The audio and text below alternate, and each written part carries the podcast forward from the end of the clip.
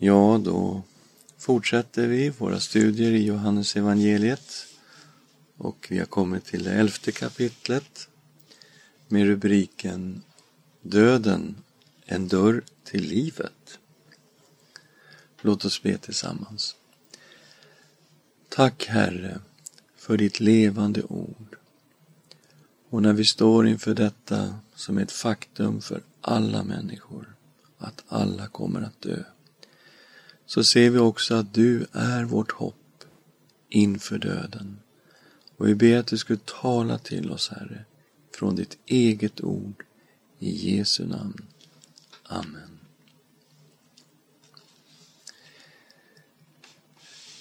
Ja, man ska kunna fråga sig själv om vi känner någon som inte kommer att dö.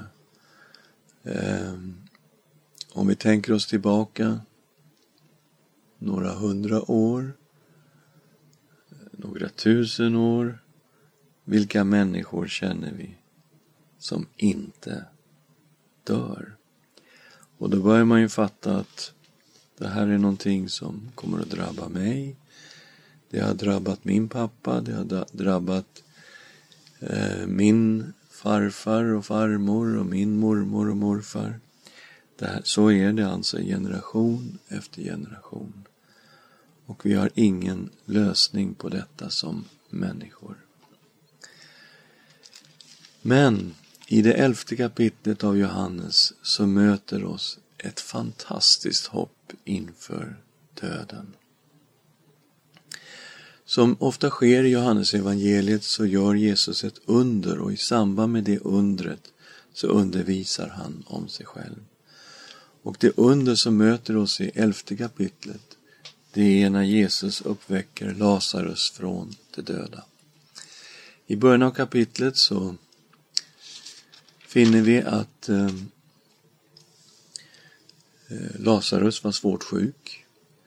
Eh, han och hans syster, systrar Marta och Maria, de bodde i Betania, som låg alldeles vid Jerusalem. Och de skickade iväg eh, bud, skickade iväg några för att leta upp Jesus. Men Jesus var inte i närheten, han var uppe i Galileen och eh, de hittar honom någonstans där uppe i Galileen och eh, berättar för honom att Lazarus ligger svårt sjuk. Och då svarar Jesus i det fjärde versen av elfte kapitlet denna sjukdom ska inte sluta med döden. Den är till Guds ära, så att Guds son blir förhärligad genom den. Men sen så tog det Jesus det ganska lugnt. Han stannade kvar ett par dagar till uppe i Galileen innan han började gå mot Judeen. Och på vägen ner så berättar han för lärjungarna att Lazarus har dött. Men han fortsatte ändå och gick till Betania som då låg nära Jerusalem. När han kommer fram till Betania så visar det sig att Lazarus har varit död i fyra dygn. Och sen till slut så frågar han eh, var de har lagt honom, var graven är och de visar honom graven. Och eh, Jesus går fram till den här graven och Marta säger till honom, systern där då att ja men han, han har ju legat död i fyra dygn. Och Jesus är upprörd när han står inför Lazarus grav. Och då säger Jesus till henne i 40 versen Har jag inte sagt till dig att om du tror ska du få se Guds härlighet? Och när han har sagt något liknande till henne, ja, det var ju det bud som han hade gett till de här eh, budbärarna som kom och berättade att Lazarus var sjuk. Där hade Jesus talat om att Guds son skulle bli förhärligad genom detta. Och han ber en tackbön till Fadern och så ropar Jesus med hög röst Lazarus kom ut. Och han som hade varit död i fyra dygn kom ut. Och Jesus säger befria honom från de här bindlarna nu och låt honom gå. Men innan det här undret sker så har Jesus alltså talat med Marta. Och vi ska se vad som händer innan. Vi börjar i 23 versen. Jesus sa, din bror ska uppstå. Marta svarade, jag vet att han ska uppstå vid uppståndelsen på den yttersta dagen. Jesus sa, jag är uppståndelsen och livet. Den som tror på mig ska leva om han än dör och var och en som lever och tror på mig ska aldrig någonsin dö. Tror du detta? Hon svarade, ja, Herre, jag tror att du är Messias, Guds son, han som skulle komma till världen. Så hur ska vi uppfatta detta? Jesus säger att den som tror på mig ska leva om han än dör. Det finns alltså hopp inför döden. Men han säger också att var och en som lever och tror på mig ska aldrig någonsin dö. Det vill säga döden kommer inte att kunna bryta den gemenskap som finns med Gud. Utan döden blir som en dörr in till livet. En dörr in i evigheten. Så vem är då denne Jesus? Ja, man ska kunna svara med hans egna ord. Han är uppståndelsen och livet. Han har alltså liv i sig själv. Och han säger också om sig själv i det fjortonde kapitlet att han är vägen, sanningen och livet. Han säger i det femte kapitlet, så som Fadern har liv i sig själv, så har han och givet åt Sonen att ha liv i sig själv. Vi har bara fått livet till låns, vi människor. Men det finns en som är källan till allt liv, som är allt livs ursprung. Det är han som har liv i sig själv. Och det har ju visats när han skapade världen, när Gud skapade världen. Då skapade Gud världen genom ordet. Och ordet i Johannes evangeliet är Jesus Kristus. Vi läser i den första versen av evangeliet. I begynnelsen var ordet och ordet var hos Gud och ordet var Gud. Han var i begynnelsen hos Gud. Genom honom har allt blivit till och utan honom har inget blivit till som är till. I honom var liv och livet var människornas ljus. Gud har liv i sig själv och när Gud skapade så talade han och i Guds ord fanns alla Guds egenskaper. Och liv skapades på planeten jorden. Och Jesus Kristus, han är alltså livet självt. Han säger, jag är uppståndelsen och livet. Och han kan ge liv åt vem han vill. I femte kapitlet, vers 21, säger Jesus så här. Ty liksom Fadern uppväcker de döda och ger dem liv, så ger Sonen liv åt vilka han vill.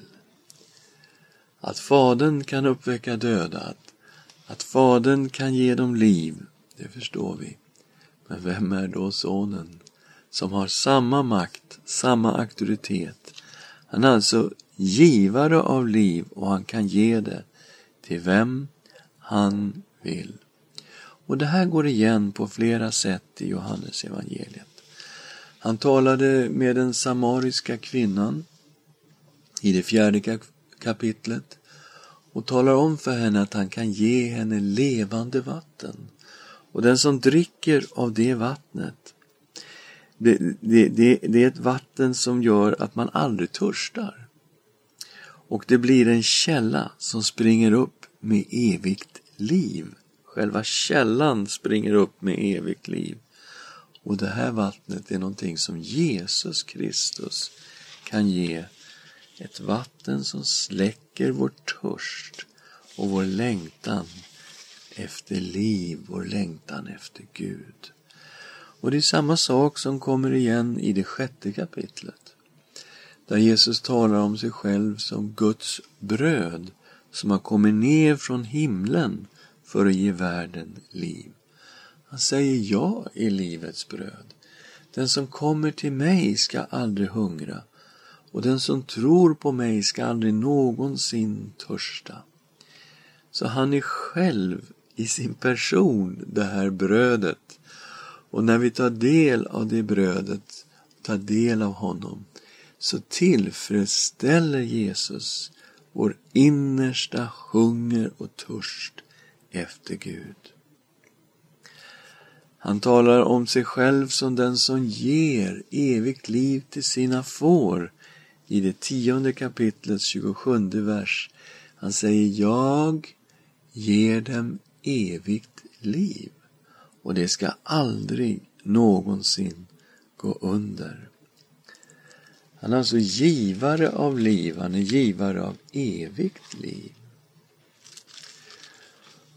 Och i det sjuttonde kapitlet så har vi en bön från Jesus, hans översteprästerliga förbön. Och där visar det sig att Jesus Kristus har fått makt över alla människor för att han ska ge evigt liv till alla de som Fadern har gett honom. Vi läser vers 1 och 2 i kapitel 17. Sedan Jesus hade sagt detta såg han upp mot himlen och bad. Fader, stunden har kommit, förhärliga din son, för att sonen må förhärliga dig. Du har gett honom makt över alla människor, för att han ska ge evigt liv åt alla dem som du har gett honom. Så de troende, lärjungarna, var alltså gåvor från Fadern till Sonen. Och Sonen hade fått makt över alla människor för att han skulle ge sina lärjungar evigt liv. Så han är livet i sig själv, men också den som är givare av liv, evigt liv. Och det som är i hjärtat av det eviga livet, det som är själva centrum av det eviga livet, det är gemenskapen med Gud. 17.3. Detta är evigt liv. Att de känner dig, den enda sanne guden och den som du har sänt, Jesus Kristus. Så evigt liv, det är egentligen att känna Gud. Och frågan är hur kunde det här vara möjligt att Jesus kunde ge liv och ge evigt liv till människor? Vi som är så bristfälliga och har så mycket problem. Ja, svaret är därför att han bar vår synd. Han kom som ett offer för att offra sig för vår skull.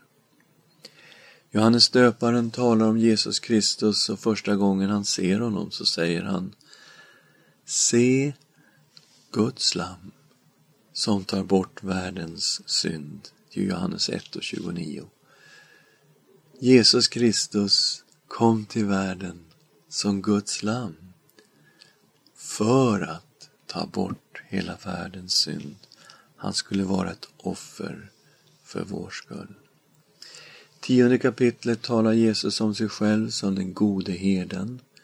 Han säger, jag är den gode herden. En god herde ger sitt liv för fåren. Så han talar om sig själv som herden som har kommit för att offra sitt liv för fåren. I det tolfte kapitlet så talar Jesus om sig själv som ett vetekorn som skulle falla ner i jorden och dö för att det skulle bära mycket frukt.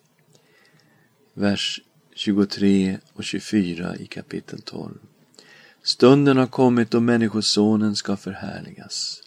Amen, amen säger jag er, om vetekornet inte faller i jorden och dör, förblir det ett ensamt korn, men om det dör bär det rikt frukt. Han talade också om på vilket sätt han skulle dö genom korsfästelse. Och när han var upphöjd från jorden, då skulle han dra alla till sig. Kapitel 12, vers 32 och 33. Och när jag har blivit upphöjd från jorden ska jag dra alla till mig. Detta sa han för att ange på vilket sätt han skulle dö. Så det är den korsfäste Kristus, den offrade Kristus, som drar människor till sig. Och det är alltså genom hans offer, att han offrade sin kropp, som vi får det eviga livet. Johannes 6, vers 51. Jag är det bröd som ger liv. Det bröd som har kommit ner från himlen. Den som äter det brödet ska leva i evighet. Och brödet jag ger är mitt kött för att världen ska leva. Och hur tar vi då emot det eviga livet? Ja, vi tar emot livet genom tron. Det är när vi tror på Jesus Kristus som vi har liv i hans namn. Kapitel 20 och vers 31. Men dessa har blivit nedskrivna för att ni ska tro att Jesus är Messias, Guds son och för att ni genom tron ska ha liv i hans namn. Så, tron är nyckeln. En personlig tro på Jesus Kristus som Messias, Guds son. Och genom denna tro får vi liv i hans namn.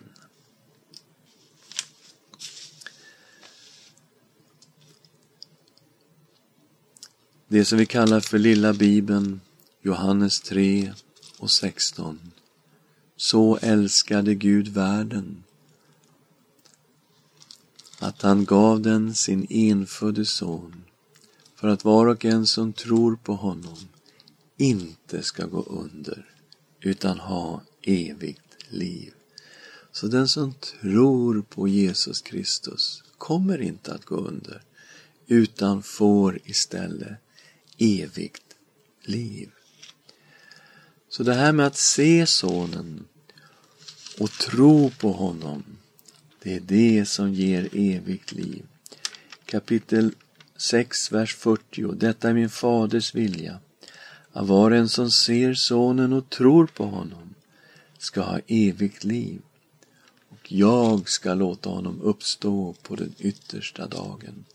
Och att se sonen i Johannes, det innebär att, först, att vi förstår vem han är. Att han är Messias, Guds son. I vers 47, Amen, amen säga er, den som tror har evigt liv. Så, vi tar emot det eviga livet genom tron på Jesus Kristus. Så hur ska vi då sammanfatta detta? Jesus säger alltså att han är uppståndelsen och livet. Den som tror på honom ska leva om han än dör. Så han är livet i sig själv. Han är uppståndelsen i sig själv. Det finns ingen uppståndelse till evigt liv utanför Jesus Kristus. Det här eviga livet som han är i sin person, det är han också givare av. Han är den som ger liv och ger evigt liv. Och det livet börjar här och nu. Det är ett liv som tillfredsställer vår innersta längtan, vår hunger och törst efter Gud. Den blir tillfredsställd när vi kommer till Jesus Kristus. Han har gjort det här möjligt genom att offra sig själv på korset för vår synd. Och vi tar emot det eviga livet genom tron på Jesus Kristus. Det här livet är ett liv som fortsätter efter döden. Jag är uppståndelsen och livet. Den som tror på mig ska leva om han än dör. Och den som lever och tror på mig ska aldrig någonsin dö. Är det inte fantastiskt? Här står vi inför någonting som ingen människa har kunnat besegra. Döden. Vi kommer alla att dö. Men Jesus, han är uppståndelsen och livet. Och vi kommer att leva om vi än dör och Jesus säger den som lever och tror på mig ska aldrig någonsin dö. Det innebär ju att döden kommer inte att bryta den här gemenskapen som jag har med Gud i Jesus Kristus. Döden är en dörr till livet. Låt oss be tillsammans. Tack Herre för ditt eviga ord. Tack Herre att du lever